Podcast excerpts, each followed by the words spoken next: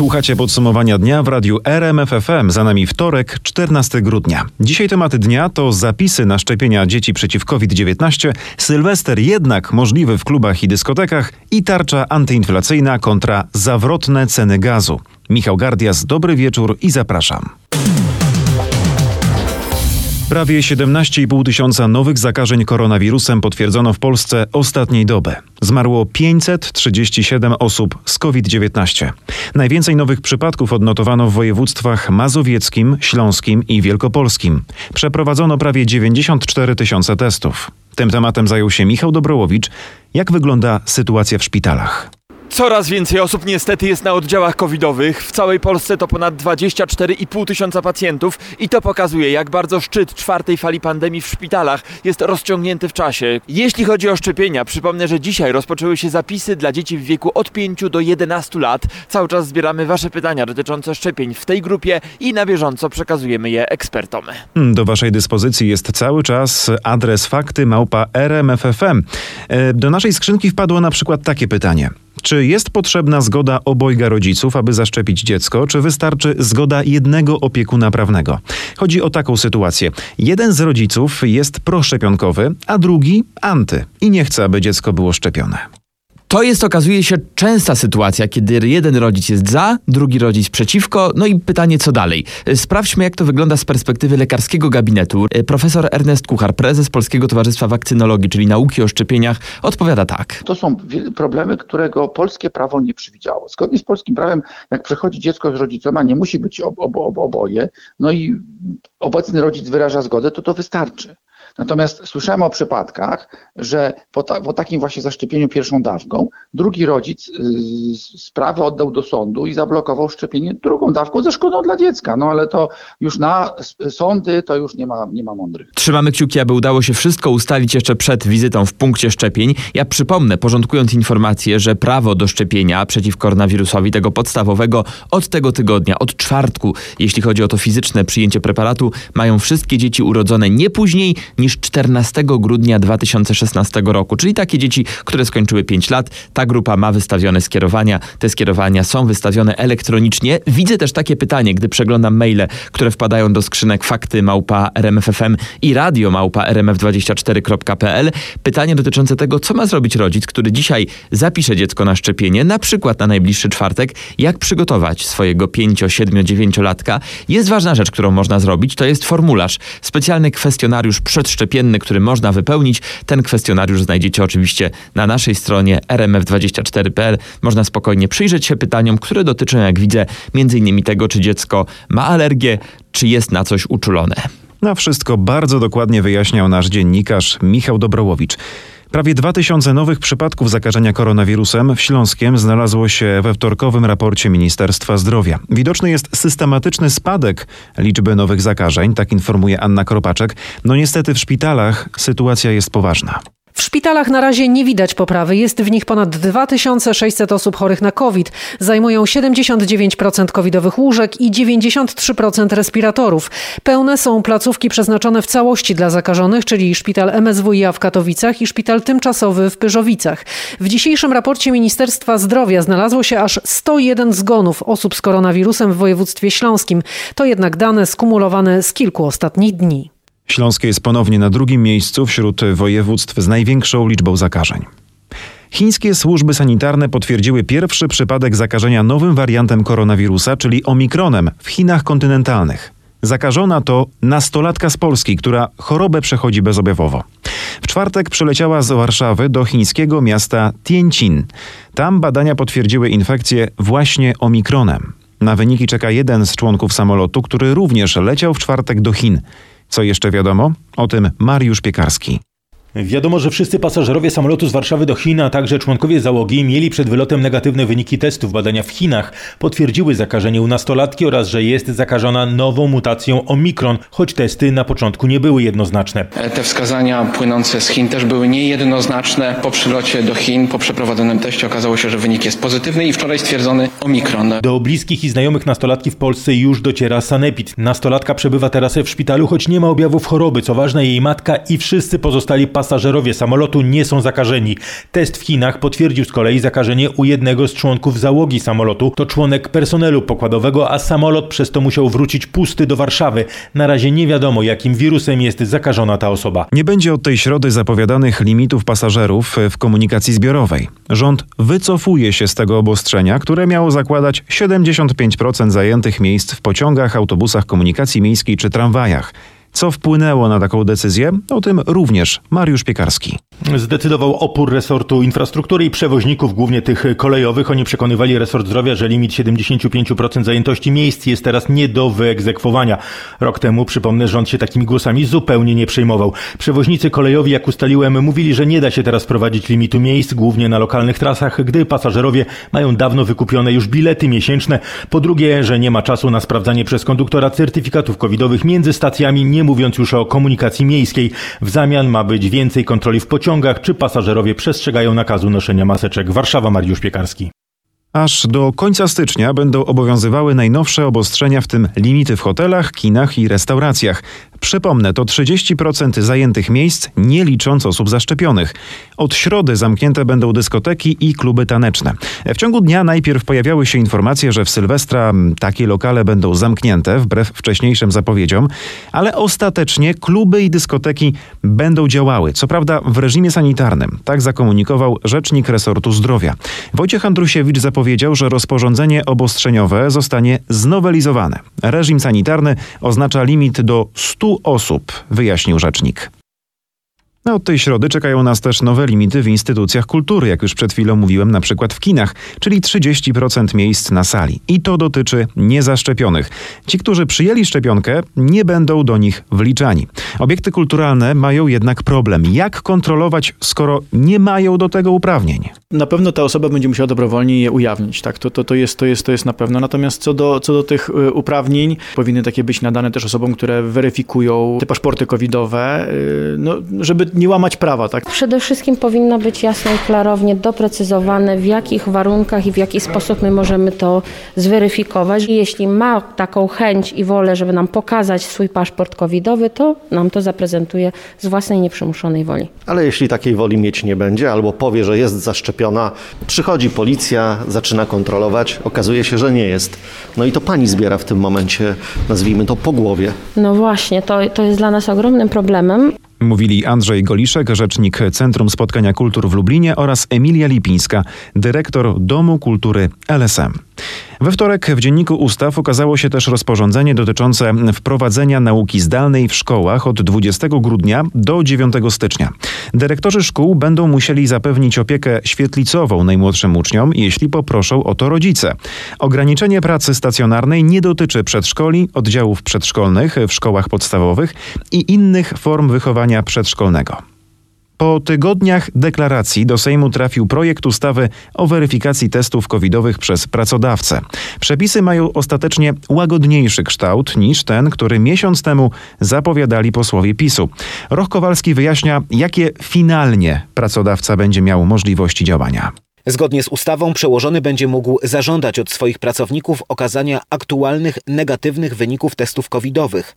Dostęp do testowania ma być bezpłatny. Z obowiązku zwolnione będą osoby zaszczepione, które przedstawią ważny certyfikat. Niewielki jest za to zakres sankcji wobec niezaszczepionych bez testu. Pracodawca zgodnie z zapowiedziami będzie mógł przesuwać takie osoby na inne stanowiska lub odsyłać na pracę zdalną, z zastrzeżeniem, że pracownicy nie mogą być poszkodowani finansowo. W ustawie zapisano też, że firmy świadczące usługi tylko dla zaszczepionych nie będą podlegać niektórym obostrzeniom, a dyrektorzy poszczególnych placówek medycznych będą mogli wprowadzać nakaz szczepień wśród swoich pracowników. Nie chcemy zostawiać dzieci bez opieki. Przekonują pediatrzy z porozumienia rezydentów. Twierdzą, że to dlatego domagają się podniesienia wartości wycen w szpitalach z oddziałami dziecięcymi o 50%. Nasz reporter Michał Dobrołowicz rozmawiał z medykami. Dlaczego podniesienie wycen jest tak ważne? Wyższe wyceny pozwoliłyby zatrudnić nowych lekarzy na lepszych warunkach. Teraz, jak wskazują rezydenci, w wielu lecznicach przez brak personelu zamykane mogą być dziecięce oddziały. Uniwersytecki Szpital Dziecięcy w Krakowie Prokocimiu to tylko jeden z przykładów, przekonuje dr Łukasz Bogucki. Wiem, że w okolicach Warszawy są zamykane szpitale powiatowe pediatryczne, które obsługiwały poszczególne rejony i niestety w, w tych obrębach nie będzie dostępna opieka pediatryczna. To będzie przerzucane na barki pozostałych szpitali, które już są na granicy wydolności. A rezydenci apelują do pacjentów, by poparli ich postulaty i deklarują gotowość do rozmów z ministrem zdrowia. Tarcza antyinflacyjna nie zniweluje podwyżek cen gazu, tak przewidują eksperci. A na światowych giełdach ceny tego surowca znów galopują. Tylko w poniedziałek kontrakty na dostawy gazu w styczniu podrożały o 11%. Odczujemy to płacąc rachunki czy tankując autogaz. Kiedy zapłacimy więcej? O tym Maciej Sztykiel. Ci, którzy jeszcze nie odczuli podwyżek cen gazu, zapłacą więcej od stycznia, bo w najbliższy piątek poznamy zatwierdzone przez prezesa Urzędu Regulacji Energetyki nowe taryfy za gaz na przyszły rok. Na rynku można usłyszeć o kilkunastu procentach y, podwyżki i raczej jedyne co jest pewne to drożyzna, która wynika nie tylko z cen paliw, ale także z inflacji. Mówi Wojciech Jakubik z portalu Business Alert i przekonuje, że tarcza antyinflacyjna niewiele tu pomoże. Podobnie twierdzą ekonomiści. Przed bankructwem ma uchronić nas inne rządowe rozwiązanie rekompensaty dla dostawców gazu. Wysokie podwyżki mają być rozłożone na 36 miesięcy, więc przez 3 lata z każdym kolejnym rachunkiem za gaz będziemy zapewne płacić więcej. To był Maciej Sztykiel, a w temacie pieniędzy do ważnych informacji dotarła nasza korespondentka w Brukseli, Katarzyna Szymańska-Borginą.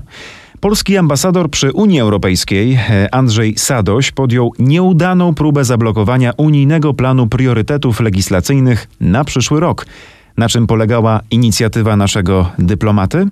Ambasador Sadoś mówił, że Polska nie może się zgodzić na wspólny dokument, bo znajduje się w nim punkt mówiący o tym, że Unia będzie korzystać ze wszystkich dostępnych jej narzędzi, by chronić praworządność. Ambasador twierdził, że jest to wywieranie presji, której przykładem jest zablokowanie przez Komisję Europejską polskiego Krajowego Planu Odbudowy, jak się wyraził, bez uzasadnienia. Mówił także o podwójnych standardach. Słoweńska prezydencja zarządziła przerwę. Po przerwie polskiego ambasadora poparł przedstawiciel Węgier, natomiast Natomiast prezydencja słoweńska poinformowała, że prawnicy Rady przekazali, że do przyjęcia dokumentu nie jest wymagana jednomyślność. Dokument został więc przyjęty przy sprzeciwie Polski i Węgier. O czym mówiła Katarzyna Szymańska-Borginą.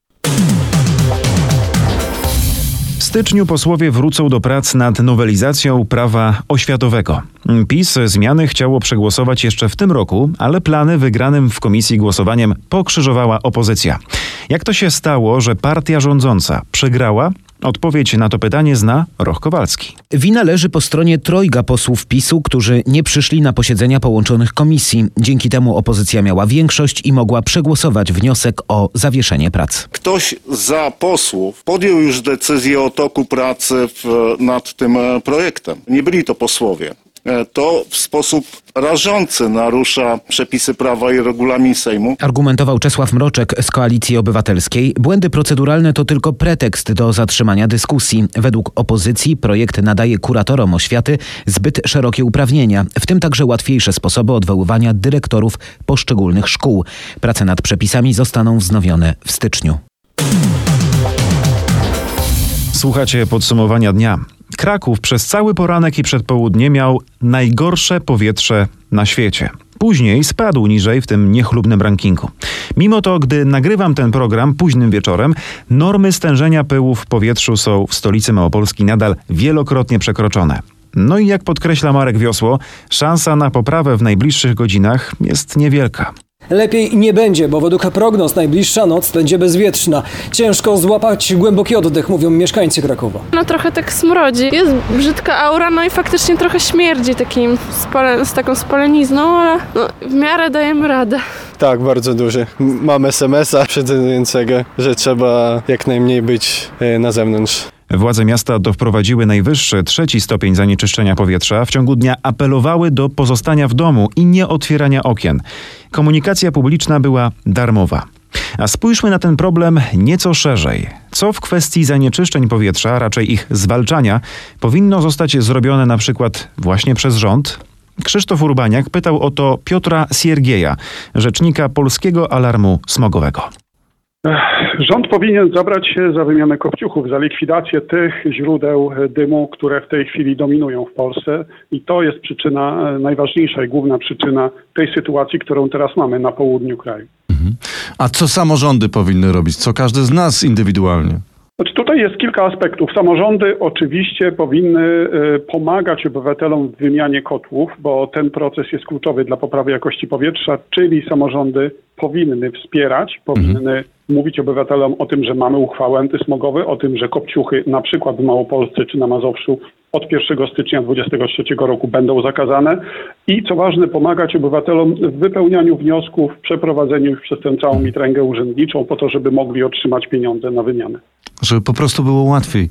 E, ostatnio pojawiły się takie szokujące doniesienia, że najgorsza jakość powietrza jest e, właśnie nie w dużych miastach, a w uzdrowiskach. Niektóre gminy uzdrowiskowe wprawdzie rezygnują z pobierania opłat klimatycznych, ale no zdaje się robią niewiele, żeby zdecydowanie poprawić jakość powietrza na swoim terenie. No to jest chyba trochę wstyd dla tych gmin. No tak, to jest wstyd y, dla gmin uzdrowiskowych, dla gmin, do których przyjeżdżamy zimą po wypoczynek. Y, takich gmin wypoczynkowych jest bardzo dużo.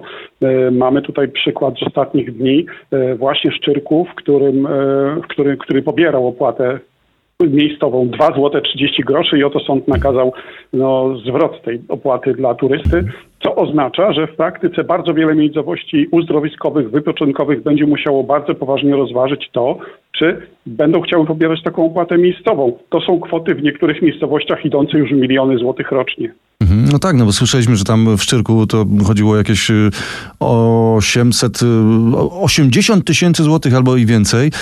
Chodzi głównie o pieniądze, ale ja jeszcze o czymś innym chciałem teraz powiedzieć. Główny inspektor ochrony środowiska skrytykował burmistrza Nowego Targu. No, wiemy, że to jest miasto najgorszym powietrzem w Europie, za przeniesienie stacji y, monitorowania powietrza z centrum na peryferię. No co wy na to? Tak. No to jest skandal. To myśmy o tym już mówili. To jest skandaliczna sytuacja, w której miasto, które ma rzeczywiście y, najgorsze powietrze w Polsce i jeśli chodzi o rakotwórczy benzoalfapiren, to jest niekwestionowanym liderem Unii Europejskiej. Żadne miasto w Unii Europejskiej nie miało takich stężeń jak Nowy Targ. Y, no niestety w Nowym Targu podjęto decyzję na wniosek burmistrza miasta, żeby tę stację, która pokazuje tak wysokie skrajnie wysokie stężenia e, i benzoalfapirenu i pyłów zawieszonych przenieść na obrzeża miasta, uzasadniając to koniecznością utworzenia ścieżki edukacyjnej czy ekologicznej. To jest kuriozalne, absolutnie kuriozalna sytuacja, nie, nie do pomyślenia, nie rozumiem tego. Podobno to tylko 800 metrów. No tak, ale 800 metrów robi różnicę, dlatego że jeżeli w tym punkcie pomiarowym Nowego Targu od 5 czy 6 lat dokonywano pomiarów, to dzięki temu można byłoby stwierdzić, czy w Nowym Targu w ogóle są jakieś prowadzone działania antysmogowe, to znaczy, czy widać efekt. Tak. A ponieważ ta stacja od 5 lat pokazuje coraz gorsze wyniki, no to efektu po prostu nie było widać. Decyzja jest jaka jest, niestety. To może przenieśmy e, te czujniki do Tatrzańskiego Parku Narodowego, bo z tego co widziałem to w Nowym Targu dzisiaj fatalnie, a w Kuźnicach, w Tatrzańskim Parku Narodowym na przykład dzisiaj na zielono, doskonałe powietrze. No tak, mamy takie stacje tła umieszczone w Borach Tukolskich, czy gdzieś tam w parkach narodowych, które pokazują, jakie powietrze mogłoby być, gdyby było wszędzie idealnie. Tak, no y, tylko no, ja się trochę boję takich decyzji. Mam nadzieję, że ta decyzja zostanie odwrócona, że główny inspektorat, który skrytykował tę decyzję, mhm. e, odwróci tę sytuację. Ja mam nadzieję, że stacja wróci do tej szkoły. E, tym bardziej, że podobna stacja e, stoi w szkole tutaj w Warszawie, w dzielnicy nieopodal mnie e, i jakoś nie stanowi żadnego zagrożenia dla dzieci, bo słyszałem, że również takie argumentacje są, że to może być niebezpieczne dla dzieci. Polecamy Wam nasze radio RMF24. Tam jeszcze więcej takich właśnie rozmów. A jeśli chcecie poddychać świeżym powietrzem, na przykład w górach i do tego spędzić tam święta, no to ta informacja powinna Was zainteresować. Na Podhalu takiej sytuacji nie było od lat. Na dosłownie no 10 dni przed świętami można jeszcze znaleźć sporo wolnych miejsc w pensjonatach i hotelach. Pandemia spowodowała, że turyści robią rezerwacje znacznie później, mówi specjalista od internetowej sprzedaży noclegów Dariusz Galica. Część obiektów ma sprzedane na poziomie 60, 70%, 50%. Są też obiekty, które mają sprzedane 30%, 20%. W tych obiektach bez problemu Państwo jeszcze będziecie mogli pakiet świąteczny kupić. Ludzie w ostatniej chwili decydują o przyjeździe, jednak wszyscy się obawiają. Dużo jest też anulacji w ostatniej chwili, więc te jeszcze ostatnie wolne miejsca są. Zapewnia Bartłomiej Bryjak z jednego z zakopiańskich pensjonatów. A teraz sport. Choć mogę się oparzyć, to wchodzę do tego pożaru, bo płonie mój dom. Tak na pierwszej konferencji po powrocie na stanowisko trenera Legii Warszawa mówi Aleksander Wukowicz. Stołeczny klub jest w największym od lat kryzysie. Wukowicz ma sprawić, by Legia szybko uciekła ze strefy spadkowej tabeli. To, co się wydarzyło, na pewno nigdy nie powinno się wydarzyć, jeżeli chodzi o tych samych piłkarzy. Dopiero po tej konferencji się spotkam z nimi, żeby jak najszybciej dotrzeć do nich, przekonać, że nawet w tej nowej zaistniałej sytuacji musimy stawić czole, podejść do tego odważnie i na boisku pokazać, na co nas stać. A jeśli chodzi o Legię, są kolejne niejasności w sprawie ataku Kiboli na piłkarzy. Klub utrzymuje, że autokar z zawodnikami był eskortowany przez policjantów od wyjazdu ze stadionu w Płocku aż do przyjazdu do centrum treningowego w Książenicach.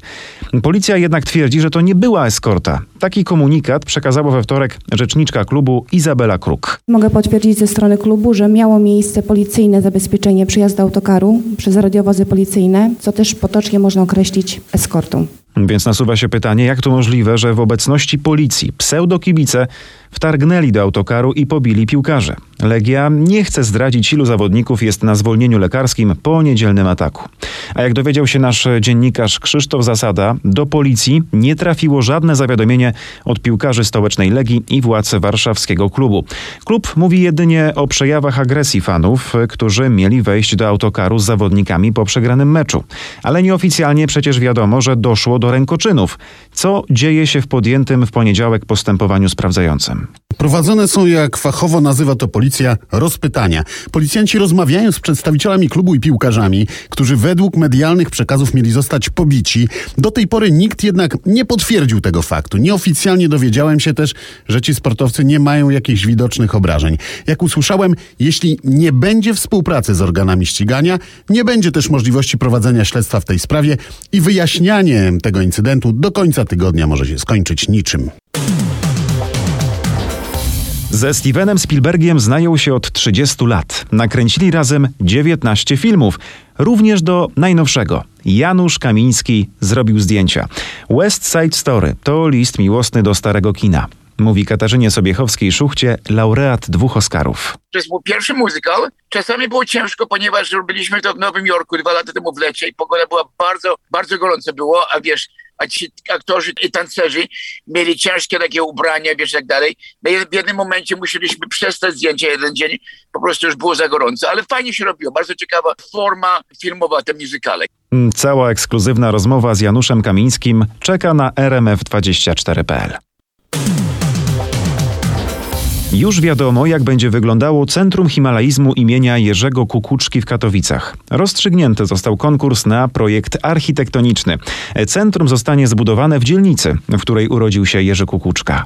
Mówimy o Bogucicach, na terenie uzbiegu ulicy Katowickiej i Markiewki. I tam właśnie to centrum powstanie i będzie połączone z mieszkaniem Jerzego Kukuczki, które również będzie dostępne dla zwiedzających. Idea jest taka, żeby to nie było takie muzeum, do którego się przychodzi od czasu do czasu i coś się ogląda, ale żeby to było żywe centrum kontaktów. Będzie i ścianka wspinaczkowa i będzie sala, gdzie będzie można prowadzić prelekcje. Będzie też centrum dokumentacji górskiej, która jest taką moją ideą. Mówili prezydent Katowic Marcin Krupa i himalaista Janusz Majer. A zwycięski projekt możecie zobaczyć na rmf24.pl. Doskonale wiemy, że słyszeć to nie to samo co słuchać. Domyślamy się też, że w naszym mózgu przejście od jednego do drugiego musi oznaczać zmianę aktywności. Badaczki z Uniwersytetu w Bazylei sprawdziły u myszy, jak poważna to zmiana. O czym mówi nasz dziennikarz z redakcji naukowej Grzegorz Jasiński. Okazuje się, że zaskakująco poważna praktycznie na wszystkich etapach drogi słuchowej od ślimaka ucha wewnętrznego do kory słuchowej mózgu neurony w różny sposób zmieniają swoją aktywność. Potwierdziły to eksperymenty, w trakcie których zwierzęta miały albo biernie słyszeć dźwięki, które w ich obecności emitowano, albo aktywnie słuchać ich, jeśli były wcześniej ćwiczone, że rozpoznanie dźwięku przyniesie im nagrodę. Aktywne słuchanie to więc proces, który gruntownie zmienia pracę mózgu. Wniosek wydaje się jasny, nie warto uważnie słuchać byle czego. Mam wielką nadzieję, że to podsumowanie dnia było przez Was nie tylko słyszane, ale i słuchane. Tak czy siak, bardzo dziękuję za uwagę, bo właśnie takim naukowym akcentem kończymy. A jutro z podsumowaniem dnia wróci do Was Michał Zieliński. Dobrej nocy i do usłyszenia.